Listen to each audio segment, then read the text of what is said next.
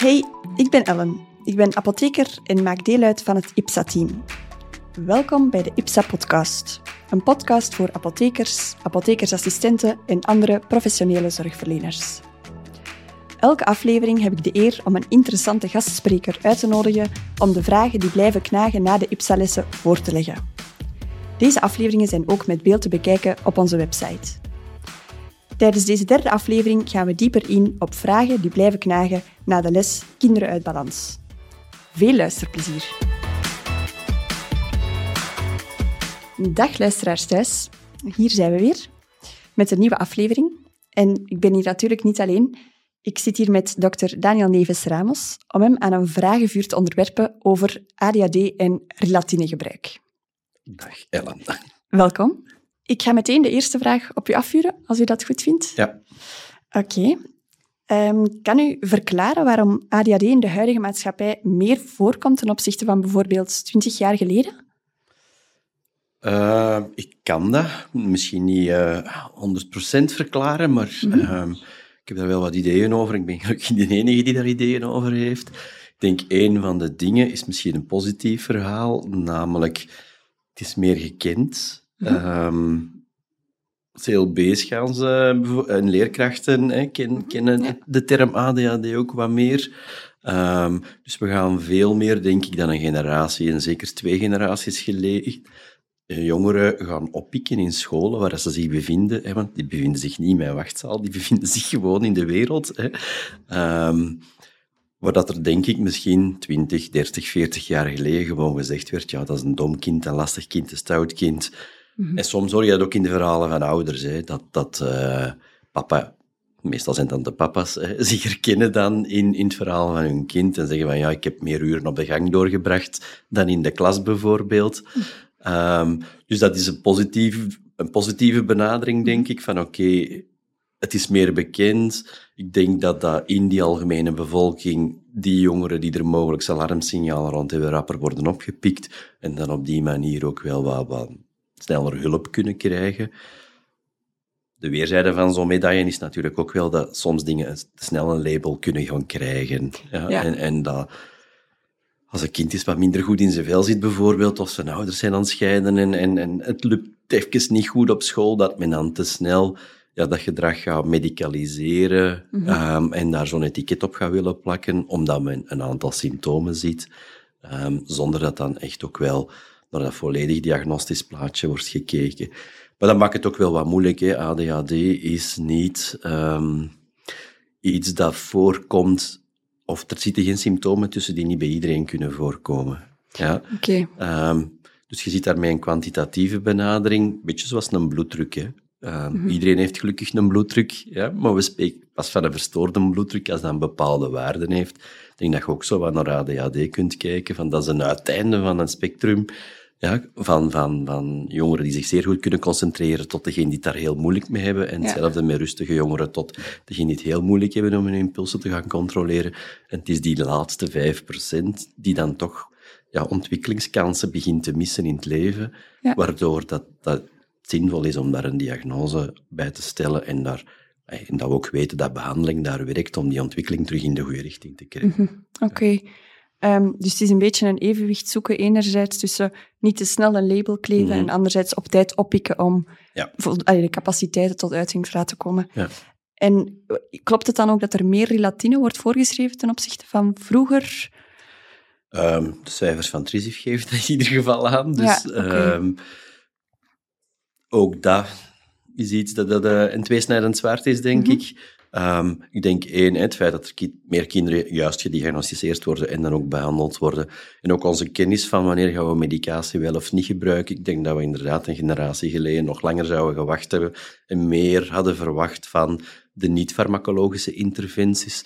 Maar dat we sinds een aantal zeer grote studies ook wel gezien hebben dat een hoop van die inspanningen die die kinderen dan doen in al die therapieën toch verloren lijkt te gaan als je dat verhaal niet biologisch ook voor een stuk bijstuurt. Zeker bij de matig tot ernstige vormen van ADHD ja, heeft alleen um, niet-farmacologische aanpak soms heel weinig mm. um, effect. En is dat en frustrerend voor die jongeren uh, en voor hun omgeving, waardoor het die in vicieuze cirkels blijven draaien. Dus Ik denk dat we minder lang wachten om met medicatie voor te schrijven. Ten andere kant, en dat is dan natuurlijk, er wordt ook heel veel medicatie onterecht voorgeschreven. En Ja. Dat vind ik iets zorgwekkender. Hè. Eh, een aantal jaar geleden hebben we bij Trisief daar eens een, een, een grote doorlichting gedaan en dan zagen we toch dat één op twee voorschriften voor relatine eigenlijk door een eerste lijnsarts wordt geïnitieerd. Dus geen verlenging van, van een bestaand voorschrift van een kinderneuroloog of een kinderpsychiater of een volwassen psychiater of neuroloog, maar eigenlijk iemand die nog niet onderzocht is in die, in die gespecialiseerde zorg en waar dat dan toch al medicatie aan voorgeschreven is. Maar één op twee voorschriften is niet niks. Hè. Ja, Eh, dat is inderdaad wel veel. Terwijl het er vaak meer, alleen beter een doorverwijzing dan misschien gebeurt. Ja. En men kan ook een aantal dingen doen, hè, want wij hebben wachtlijsten ja, in die tussenperiode. Ja. Ehm, dus het een hoeft het ander niet uit te sluiten. Oké. Ja. ja, dat is een goede boodschap, denk ik. Hm. Ehm, een totaal andere vraag. Ehm, wat is het verschil tussen hoogsensitiviteit en ADHD? Kan u dat wat meer toelichten? Dat werd ook veel gevraagd door apothekers. Ja. Dus dat is iets Ehm, dat toch leeft. De hoogsensitiviteit, ik kan het even hype noemen, Ja, want die is ja. er ook redelijk nieuw. Ehm, wat is het verschil? Eén is ADHD is een officieel erkende diagnose, hoogsensitiviteit is dat voorlopig nog niet. Hè. Ehm, voor zover dat de wetenschap daar al uitspraken over durft doen, eh, want daar is veel pro en con in, ehm, kijkt men toch meer naar hoogsensitiviteit als een soort van persoonlijkheidsdimensie. Ja, zoals sommige mensen introvert en extravert zijn. Oké. Ja, ehm, en als je, maar het hangt er al vanaf wat je definitie is, want ook daar is geen, geen consensus over op het moment nog niet. Zou mogelijk 20, 25 procent van de bevolking ja, dat temperamentskenmerk, ga ik het dan maar noemen, ja, van hoogsensitiviteit kunnen hebben. Oké, dat is een groot, een groot deel. Ja, eigenlijk een groot deel, waardoor dat Ja. je kunt, moeilijk kunt zeggen van, is dat nu pathologie of niet? Ja, en moet dat ja. behandeld worden, of is dat eerder een persoonlijkheidskenmerk ja, ehm, waar dat je mee moet leren leven, of, of ehm, Mhm. dat je waar rekening mee houdt. Zoals, ja, goed, ehm, de ene zijn aparte is waarschijnlijk, heeft ook een, konter- een korter lontje dan de andere. Ja. dat wil nog niet zeggen dat dat een psychiatrische Ja, stoornis is. Hè. Goh, dat ik die verwarring wel wat in snap, is dat eh, ook jongeren met ADHD of volwassenen met ADHD door hun impulscontroleproblemen soms ook wel lastig hebben om die emoties goed te reguleren. En heel dat aandachtssysteem, hè, dat zie je dan ook weer bij hoogsensitiviteit. Als, als die mensen heel gevoelig zijn voor prikkels en er komt van alles en nog wat binnen en ze krijgen dat moeilijk gefilterd vanuit die, die emotionele gevoeligheid. Dat is nog een ander systeem dan, dan bij dat aandachtssysteem. Ehm, ja, dan zie je daar gedragsmatig soms wel wat een overlap in. Hè, dat mensen met hoogsensitiviteit zich ook soms moeten gaan afsluiten van de Mhm. buitenwereld om zich wel intern gereguleerd te krijgen. Ehm, Dus daar zit ergens die daar zit verwarring zo een wel, beetje. denk ik, die verwarring Ja. inderdaad van, van kan soms wel wat op elkaar trekken. Ja. Ehm, maar het komt eigenlijk neurobiologisch wel vanuit een ander verhaal. En ja, het belangrijkste, denk ik, van, van hoogsensitiviteit weten we nog te weinig om te zeggen van wat is dat nu precies. En, en Dat is minder duidelijk. dat is minder eigenlijk. duidelijk, Ja. ja. Oké, heel Ja. verha- verhelderend, dankjewel. Ehm als ik misschien een zijsprong mag maken naar de huidige samenleving en hedendaagse trends zoals sociale media, Mhm. allerlei communicatiekanalen zoals WhatsApp, Ch- Snapchat, eh, reeds op jonge leeftijd ook beschikken over smartphones, steeds jonger en jonger. Ehm, kunnen al die continue prikkel- prikkels bijdragen tot een hogere, hogere cijfers van ADHD ten opzichte van vroeger? Ik kan me wel voorstellen dat iemand in deze tijd veel sneller afgeleid ehm, s- ja, Ja. is dan vroeger. Op dit moment, maar goed, de grote populatiestudies ontbreken daar misschien nog wel. Eh, op dit moment zie je die, die prevalentie niet verder stijgen. Het is dus niet dat de, de, de digital natives een hogere eh, prevalentie van ADHD lijken te hebben dan degenen die eh, voordien geboren zijn. Ehm, wat natuurlijk wel zo is, is dat onze hersenen, ay, onze neuronen werken op een bepaalde manier. Gebruikten ze veel, wordt die baan sterker. Gebruikten ze niet veel, wordt die baan minder sterk. Hè. Dat is de basis van al onze leerprocessen. Hè. Mhm. Zo hebben we leren fietsen en op den duur moeten we daar niet meer bij nadenken. Uiteraard is dat ook zo met die, met die multimedia. En, dus ik denk, en mogelijk gaan we dat de komende jaren wel meer en meer zien. En er zijn al wat kleine studies die ook wel daarop wijzen dat misschien onze hersenen beter gaan worden in visuele prikkels opnemen en in heel snel switchen van aandacht, van Ja. het een naar het ander. Ja, en dat onze hersenen minder sterk gaan worden in Ehm, langdurig met hetzelfde bezig zijn, daar zijn al wel wat studies van, dat, dat mogelijk onze focus van ja. Op populatieniveau ontzakken is. Van Oké. 9 naar, naar 7 seconden al. Ah ja, Ah, dus echt al Ja, allee, duidelijk... eh, eh, ja, dus er zijn al wel iets... allee, dat zijn heel beperkte studies, maar ik denk dat we daar de komende jaren meer van gaan zien. Maar hetzelfde met organisatie en planning. Hè. Je merkt dat misschien bij je eigen kinderen ook. Ja, vroeger, als je het niet georganiseerd en goed afgesproken had met elkaar, je wordt verloren. Hè. Ja. Je stond daar aan de cinema te wachten en de andere kwam niet opdagen. En ja, dan moederziel terug naar huis. Ja. ja, en nu is Nu heb je die luxe om onderweg bij te sturen heel de tijd, van plan te veranderen. En eigenlijk ja, heb je die organisatie- en planningsvaardigheden veel minder nodig op dat vlak. Ja. Oké. Ja, Ja. ook interessante Ja. gegevens. Ja. Ehm, misschien eventjes terug naar de redenering van daarnet. Ehm, dat er meer diagnoses van ADHD worden gesteld. Is diezelfde redenering door te trekken naar autisme? Wordt dat ook vaker gediagnosticeerd eh, dan vroeger? Ehm, daar zien we echt een boom, hè, waar dat die bij ADHD toch wel wat aan het ontstagneren is. En rond die 3 tot 5 procent die er wetenschappelijk voor opgesteld is, wat, wat blijft hangen. Dus ik denk dat we daar stilletjes aan, ehm, aan, aan het optimum zitten van oké, er wordt niet te veel en niet te weinig gediagnosticeerd. Dat we met autisme spectrumstoornissen, zoals het tegenwoordig Ja, noemt, hè, ja. ehm, een curve aan het maken die eigenlijk wetenschappelijk moeilijk te verklaren is. Ja. Ehm, een van de problemen die mogelijk meespeelt, is dat in de DSM-5, hè, de laatste herziening van de DSM in 2014, heel die definitie door elkaar is gegooid. Hè. Vroeger had je het, het zuivere kernautisme ehm, en dan het, het, het Asperger-vorm van Ja. autisme en dan het atypisch autisme, wat zo'n beetje velbak-categorie was van trek erop, maar het past er niet helemaal in. Ehm, en door dat nu dat spectrum te noemen, Mhm. ja, zijn die criteria allemaal wel wat opgerokken, waardoor dat één, die drie vormen hetzelfde etiket hebben gekregen. Ehm, dus je kunt moeilijk die, die een kernautismegroep gaan vergelijken met de populatie die er nu nog is. Maar ja, je voelt soms toch ook wel wat aan dat daar wat iets te gemakkelijk ook naar gekeken wordt. Ehm, ik denk dat we moeten oppassen dat we niet doorschieten in ieder kind dat wat introvert is, dat wat minder behoefte heeft aan sociale contacten, of dat een, een specifieke hobby heeft, of, of een puber die met een subcultuur aan, het- aan het experimenteren Ja, is, dat we daar direct, ja, dat we daar direct ja. zo dat label autisme dan Mhm. gaan opkleven. Natuurlijk, als het, als het en, en, en, en, en is, dan Ja. wordt het een ander verhaal.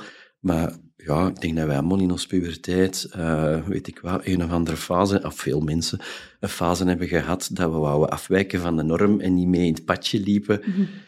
Ja, misschien moeten we ook zien dat sommige dingen normale ontwikkeling blijven. En als, als een adolescent eh, interesse heeft in eh, Koreaanse popmuziek, ja, hoeft dat niet een kenmerk van autisme te zijn, maar is dat dankzij dat wij met heel de wereld verbonden zijn. Mhm. Ja, go- de opvolger van de gothic in mijn tijd, Ja. denk ik dan. Ja. Die zo wat nieuwe horizonten aan het Mhm. opzoeken is en, en met, zijn, met zijn identiteit aan het experimenteren is. Hè. Oké, Ja. ja. inderdaad, ja, dat is duidelijk.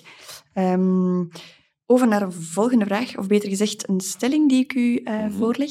Men kan uit ADHD groeien. Klopt dat? Met andere woorden, klopt het dat deze diagnose niet meer van toepassing is wanneer men volwassen wordt? Ehm, zoals veel in de geneeskunde is het antwoord vaak genuanceerd. Mhm. ja. Ehm, daar is iets van te zeggen, maar daar is ook... Het is niet helemaal zuiver. Voor de minister is het heel duidelijk. Hè? Op uw 18 wordt geen, a- geen eh, relatine Ja, niet meer terugbetaald. Ja. ja. Of het dan niet is, of dat uw ADHD genezen is of niet, of dat je wordt verondersteld dat zelf op te hoesten, dat laat ik hier in het midden. Hè, maar dat is inderdaad ehm, ja, zo ontstaan. Wat denk ik bij mensen ook wel ja, wat oproept van ja, stop dat dan op 18 Mhm, jaar. Ja, Ik denk dat ook heel lang in volwassen psychiatrie de ontwikkelingsstoornissen heel weinig aan bod zijn gekomen. Dus dat was echt het domein van de kinder- en jeugdpsychiatrie. Daar is nu wel een inhaalmanoeuvre rond ontstaan en dat men ook in volwassen psychiatrie begint te zien van, van een aantal pathologieën die wij hier op volwassen leeftijd zien, hebben echt wel hun oorsprong in een aantal van die ontwikkelingsproblemen op kinderleeftijd.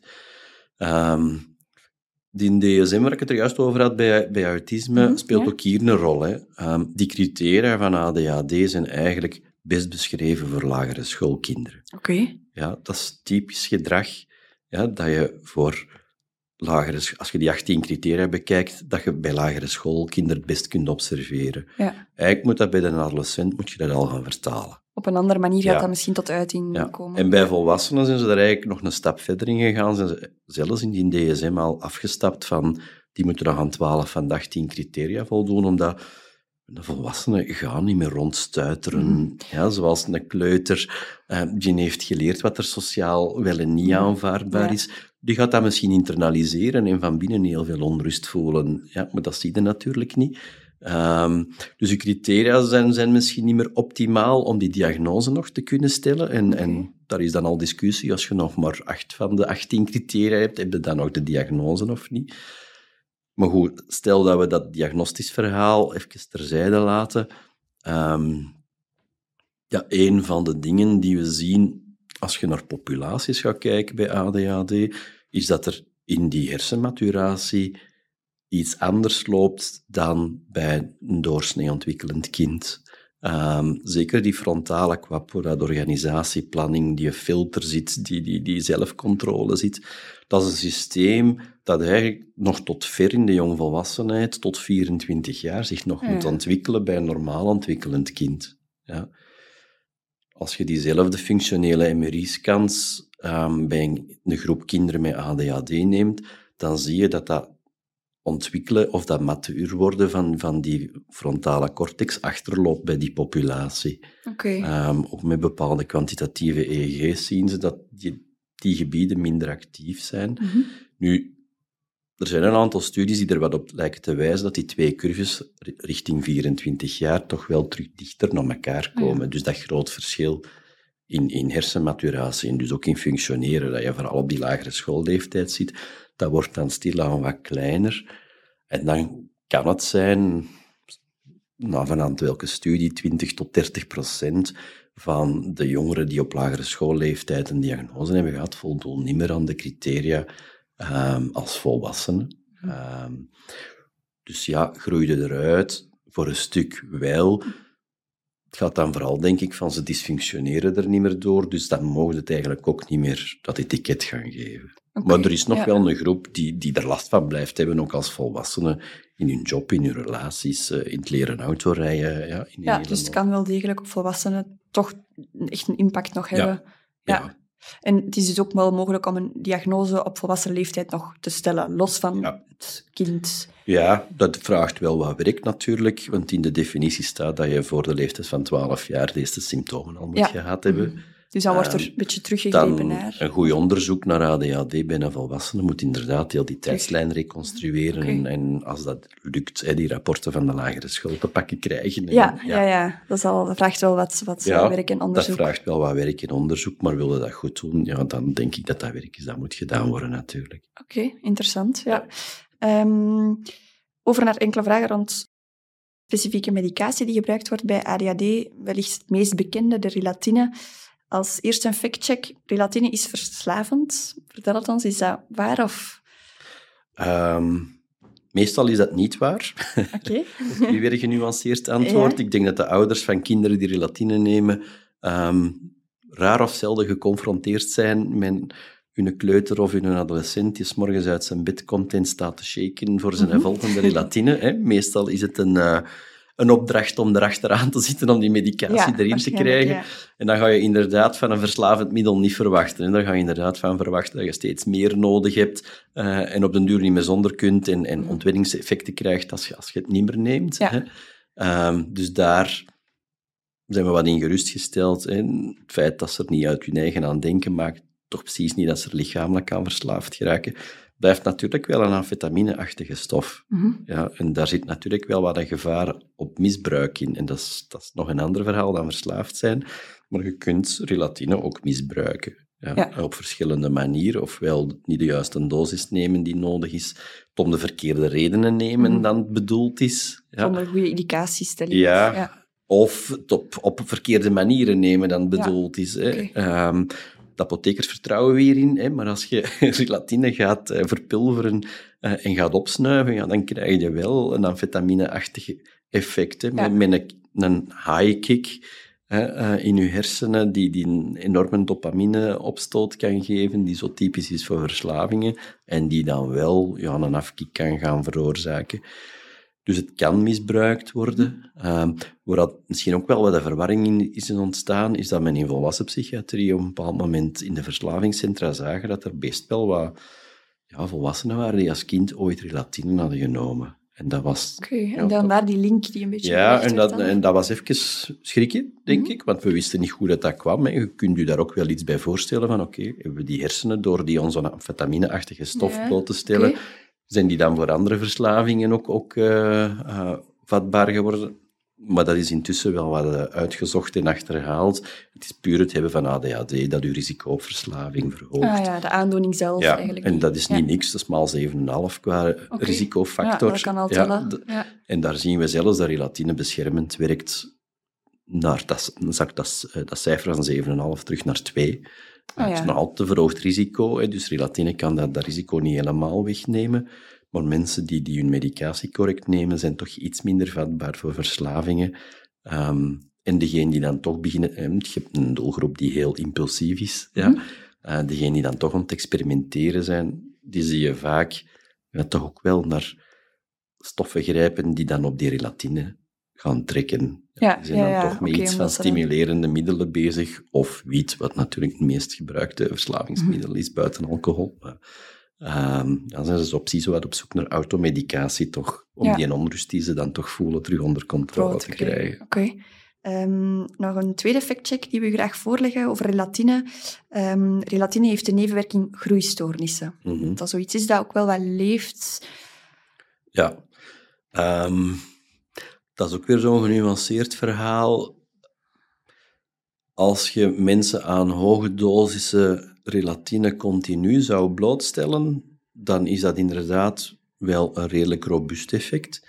En ehm, hoge dosissen, zijn dat dan therapeutische dosissen? Dat zijn eigenlijk in Europa geen therapeutische dosissen niet meer. In de Verenigde Staten bestaan er, uh, bestaat er een concerta van, van wat is het, 108 milligram oh bijvoorbeeld. dat kennen wij hier niet.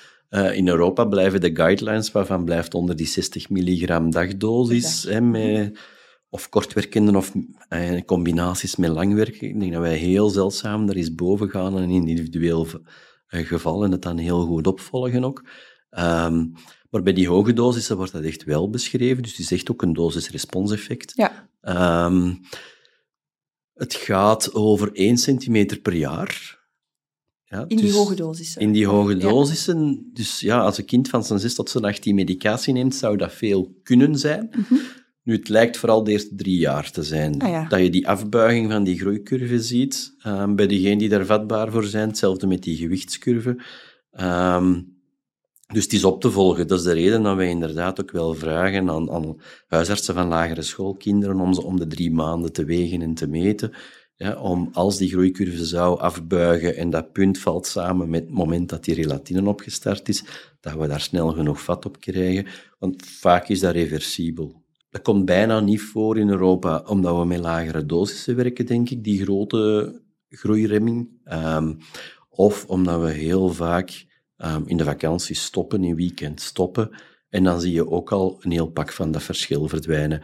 Maar als een kind effectief een standaarddeviatie op zijn groeicurve naar beneden duikt op het moment dat de medicatie is opgestart, ja, dan denk ik dat we een kinderarts er moeten bijhalen om te gaan kijken van is dat alleen maar het effect van de medicatie? Is hier een andere verklaring voor? En er kunnen nog andere dingen, groeivertragingen ja, veroorzaken natuurlijk. Ehm, en om het nog complexer te maken, kinderen die um, een groeihormoonstoornis of tekort mm hebben, um, die krijgen vaak ook ADHD-klachten door een groeihormoontekort. Okay, en we dus er is wel ergens een... Ja. ja, er is wel ergens een link. En, en Goh, ik heb bij een aantal van die jongeren al gezien dat als die groeihormoonsubstitutie krijgen, dat die ADHD-klachten ook verdwijnen. Oké. Ja, en dat die helemaal geen medicatie nodig hebben.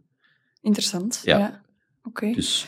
Uh, maar dus in de meeste gevallen, wanneer dat er mooi onder die maximale dosis wordt uh, gebleven, is daar eigenlijk geen of is die groeistoornis is dat echt, verwaarloosbaar? Ja, verwaarloosbaar. Is, is die dat je moet opvolgen en moet bijsturen als het een probleem is, maar niet iets dat heel, heel vaak voorkomt of een reden is om te stoppen met medicatie. Ja. Ik denk dat de eetlustremming en, en de emotionele afvlakking vaker redenen zijn om te moeten stoppen of van Ja. vorm te veranderen of de dosis aan te passen. Want dat was inderdaad mijn volgende vraag. Van, heeft u suggesties hoe er in de praktijk kan worden ingespeeld op die nevenwerkingen die u net zei, van eetluststremming, eh inslaapstoornissen? Ja. Ehm, ja, één, kijken hoe fors dat die zijn natuurlijk. Sommige bijwerkingen, als die zo fors zijn, ja, als een kind in volledige anorexia gaat door relatine, ja, dan moet je daar een keuze in maken. Ja. Ehm, hetzelfde mee, mee als die groei of, of dat gewicht zo naar beneden gaat, dat niet meer gezond wordt, ja, dan moet je stoppen met medicatie en soms van vorm veranderen. Ehm, maar soms zit je met heel die klasse van die stimulantia in datzelfde bedje wat, wat ziek. Ja. Ja. Ehm, maar het hoeft niet altijd. Het kan zijn dat je het vooral met kortwerkenden hebt en niet met langwerkenden. Dus het is echt dan wel eens zoeken van, van is het met een andere vorm minder erg? Een switch kan die daar weer een switch zijn. kan Ja. daar zeker zinvol in zijn. Ehm, sommige van die bijwerkingen zijn ook gewoon praktisch te managen. Stel dat iemand vooral eetluststremming heeft, ehm, maar die relatine is na drie, vier uur uitgewerkt, ja, geef dat dan na de maaltijden. En het is na het ontbijt, het is uitgewerkt tegen het middageten, het is uitgewerkt tegen het vier uurtje. Mhm. En zo, net op het moment dat die, die spiegel in dat bloed wat naar beneden gaat, komt die honger dan wat terug. Ja, Ja, maar vaak is het ook gewoon aan ouders uitleggen van zolang je je gewicht daar niet onder leidt, ja, pas dat eetpatroon en je verwachtingspatroon wat aan. Het heeft geen zin om die te forceren bijvoorbeeld rond dat eten, want je raakt er dan echt niet in. Mhm. En ja, laat dan je regels wel los tussen aanhalingstekens, of dat is een overweging dat je dat moet maken.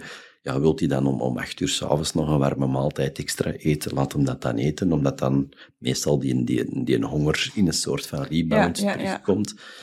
En zo heb je dat ook met andere bijwerkingen. Hè. Eh, inslaapstoornissen, ja, als je ver genoeg van je slaap afblijft met je meer stimulantia, kunnen dat soms voorkomen. Maar iemand die er is supergevoelig voor is, niet. Ja. Nu, slaapstoornissen, ADHD is nog een ander verhaal, maar daar komen we misschien straks nog op terug.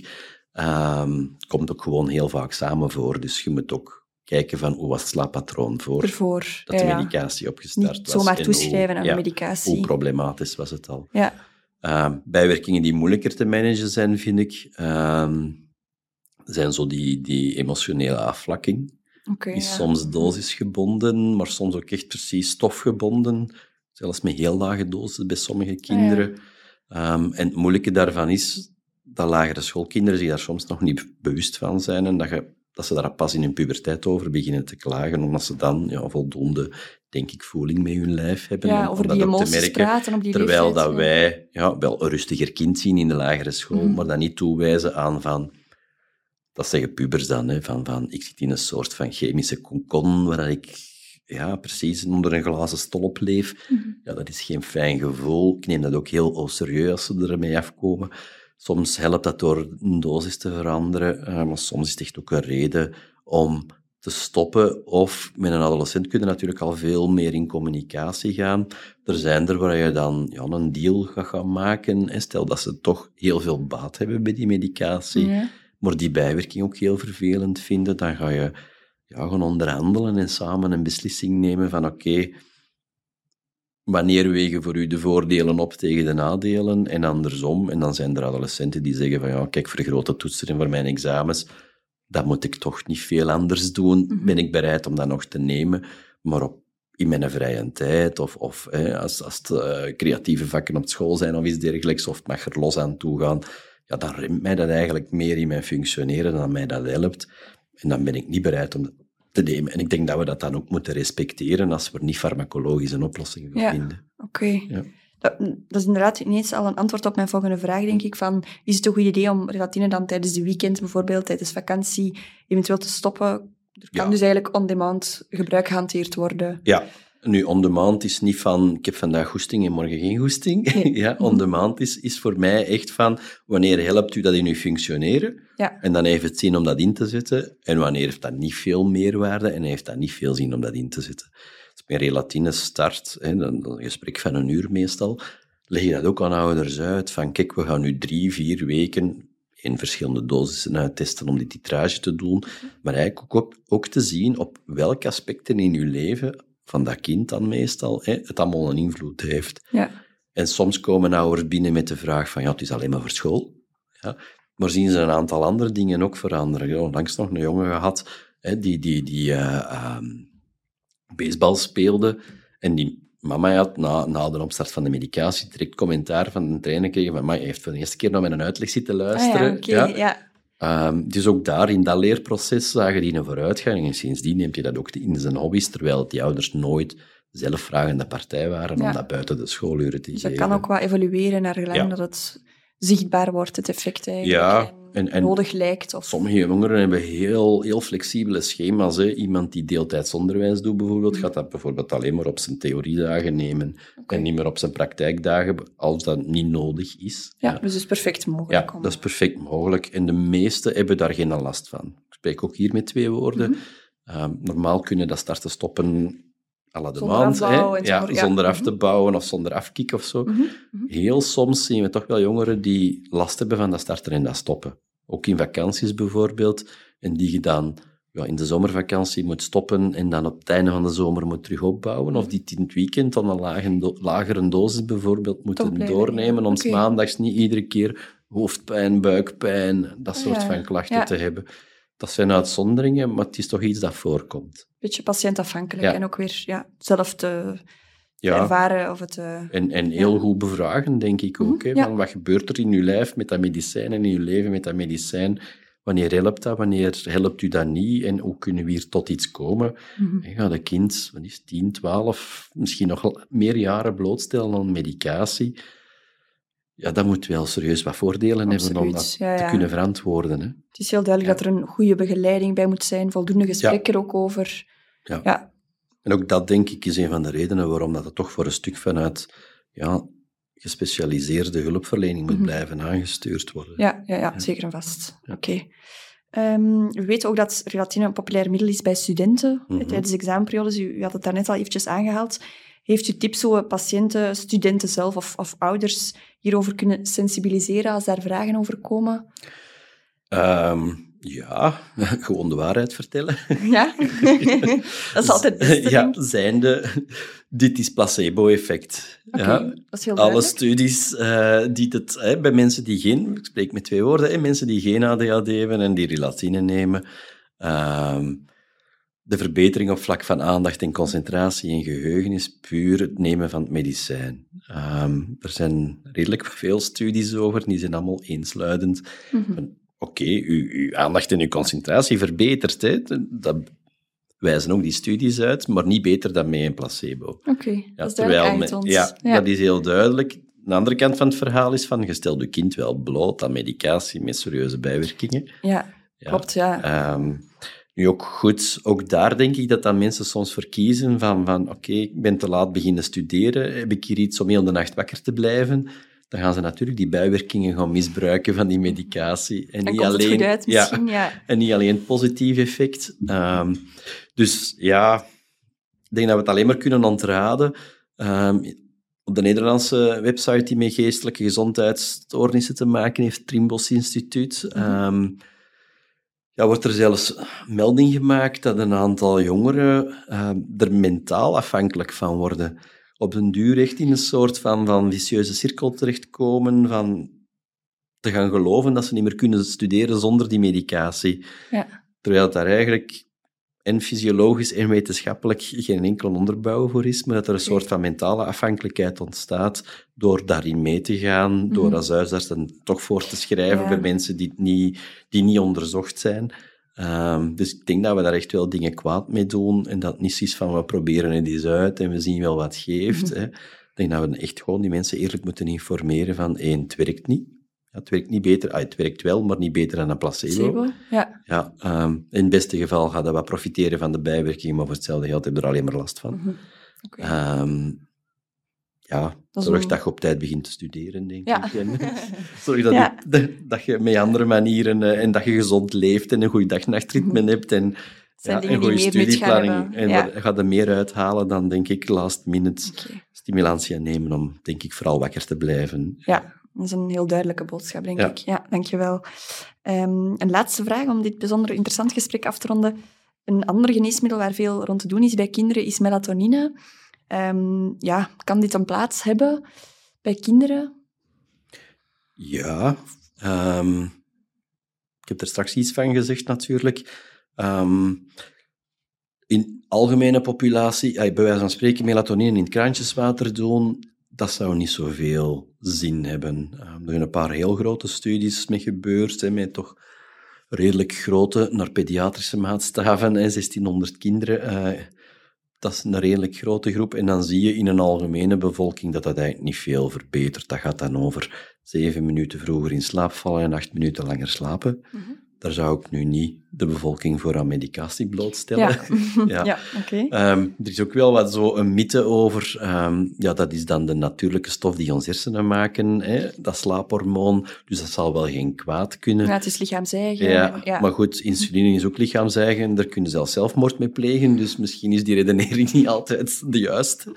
Uh, niet dat dat met melatonine zo gemakkelijk is, maar... Uh, dus dat is een ander stuk van het verhaal we zien ook dat, dat de echte experimenten, uh, als je melatonine geeft aan iemand, gaan we niet die fysiologische piek nabouwen. Ja, dus je verstoort daar toch ergens dat natuurlijk patroon. Maar het heeft dat zich als slaapmiddel, onafhankelijk van die, die melatoninepiek die wij automatisch, in, in, als het donker begint te worden, beginnen te, mhm, op te bouwen, uh, eventueel een effect. Dus het kan ondersteunend zijn. Wat zien we wel bij jongeren met ontwikkelingsstoornissen, en we het er juist over ADHD gaat, maar even goed de groep mee met ASS, die hebben vaak een verstoord melatoninesysteem. Zo, die hun piek met melatonine komt veel later in hun circadiaans ritme, in hun dag-nachtritme op, op gang, waardoor die heel lang in bed nog wakker liggen, moeilijk in slaap geraken. Ja, slaaptekort gaat je concentratie overdag dan ook niet gaan verbeteren. dus dat is dan vaak een vicieuze cirkel. En bij die doelgroep zijn er een aantal studies, maar ja, dat gaat hier ook niet over uh, die grote aantallen. Maar dan zie je wel meer dan die acht minuten een verbetering met een half uur, tot in sommige studies zelfs uh, 135 minuten. Uh, ah, ja, okay. Maar goed, dat gaat over denk maar negen kinderen die ze daarin onderzocht hebben. Dus zien dat we daar ook niet de, de norm van mogen maken. Maar melatonine lijkt wel wat een plaats te hebben.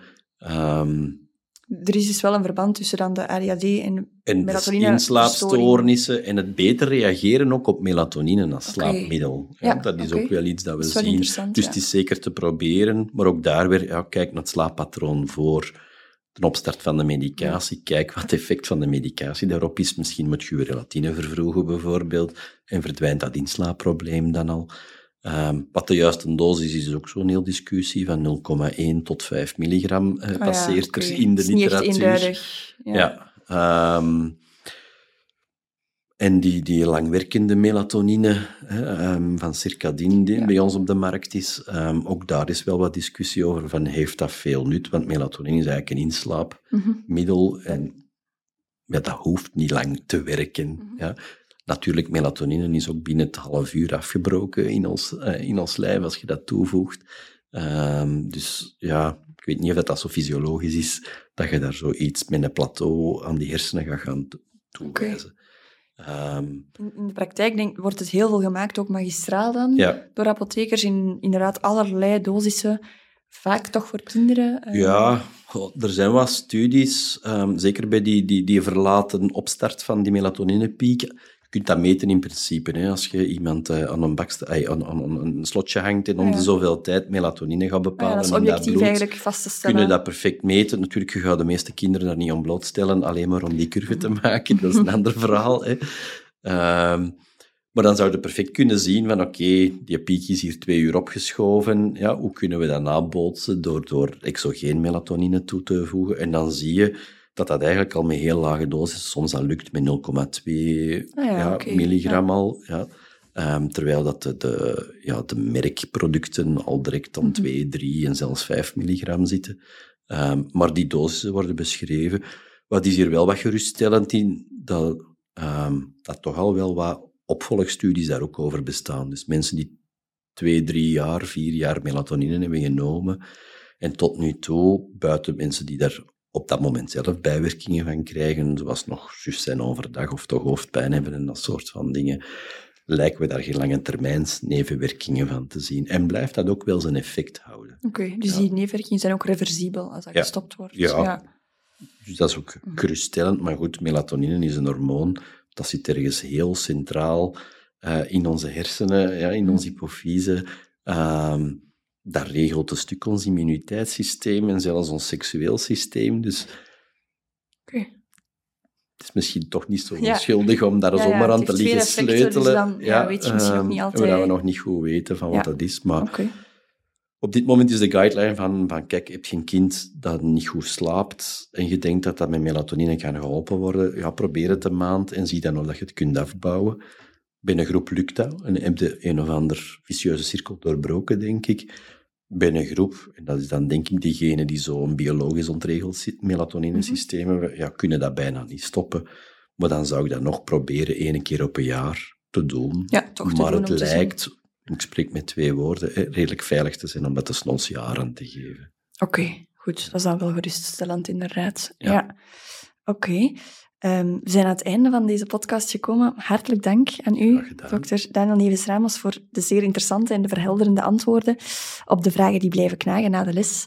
Ehm, ook jij, beste luisteraar, dank je wel voor je interesse en om te luisteren naar onze podcast. Het is iets anders dan een hoorcollege of een webinar. Ben je geprikkeld door deze thematiek? Volg dan zeker nog onze e-learning Kinderen uit Balans met Dr. Daniel Neves-Ramos als spreker. Deze is gratis voor apothekers indien je bent ingeschreven voor de jaarcyclus 2023. Bedankt voor het luisteren en heel graag tot een volgende aflevering.